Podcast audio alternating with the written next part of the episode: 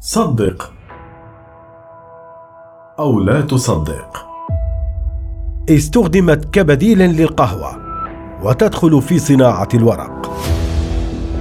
للذرة فوائد عديدة وغريبة قد لا نسمع عنها كثيرا ويحتفل العالم سنويا باليوم العالمي للذرة. الذرة ليست أصلية في كندا فهي ليست من المحاصيل المحلية تم زراعة الذرة لأول مرة من قبل الأمم الأولى في منطقة أوتاوا وبعد ذلك من قبل المستوطنين الأوروبيين. تم استخدام الذرة كبديل للقهوة. في القرن التاسع عشر عندما كانت القهوة باهظة الثمن ونادرة استخدم الأمريكيون المقتصدون الذرة الجافة كبديل للقهوة وكان رماد أكواز الذرة المحترقة يستخدم كصودا الخبز. كما إن الذرة عنصر في الألعاب النارية.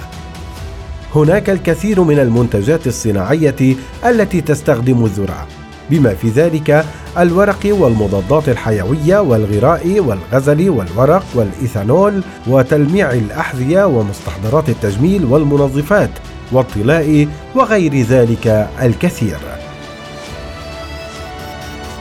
قد تحتوي الذرة على كمية لا بأس بها من العديد من الفيتامينات والمعادن.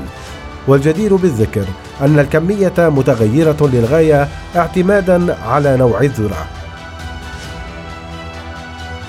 بشكل عام الفشار غني بالمعادن في حين أن الذرة الحلوة غنية بالعديد من الفيتامينات. تتراوح نسبة الدهون في الذرة من 5 إلى 6% مما يجعلها غذاء قليل الدسم. ومع ذلك فإن جرثومة الذرة وهي منتج جانبي وفير لطحن الذرة الغنية بالدهون وتستخدم لصنع زيت الذرة وهو منتج شائع للطهي. يتكون زيت الذرة المكرر بشكل أساسي من حمض اللينوليك وهو حمض دهني متعدد غير مشبع بينما تشكل الدهون الأحادية غير المشبعة الباقية. كما أنه يحتوي على كميات كبيرة من فيتامين إي واليوبيكوينون والفيتوستيرول مما يزيد من مدة صلاحيته ويجعله فعالا في خفض مستويات الكوليسترول في الدم.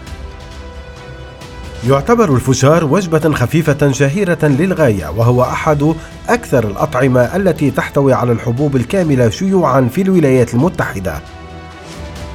في الواقع إنه أحد الحبوب الكاملة القليلة التي يتم تناولها بمفردها كوجبة خفيفة.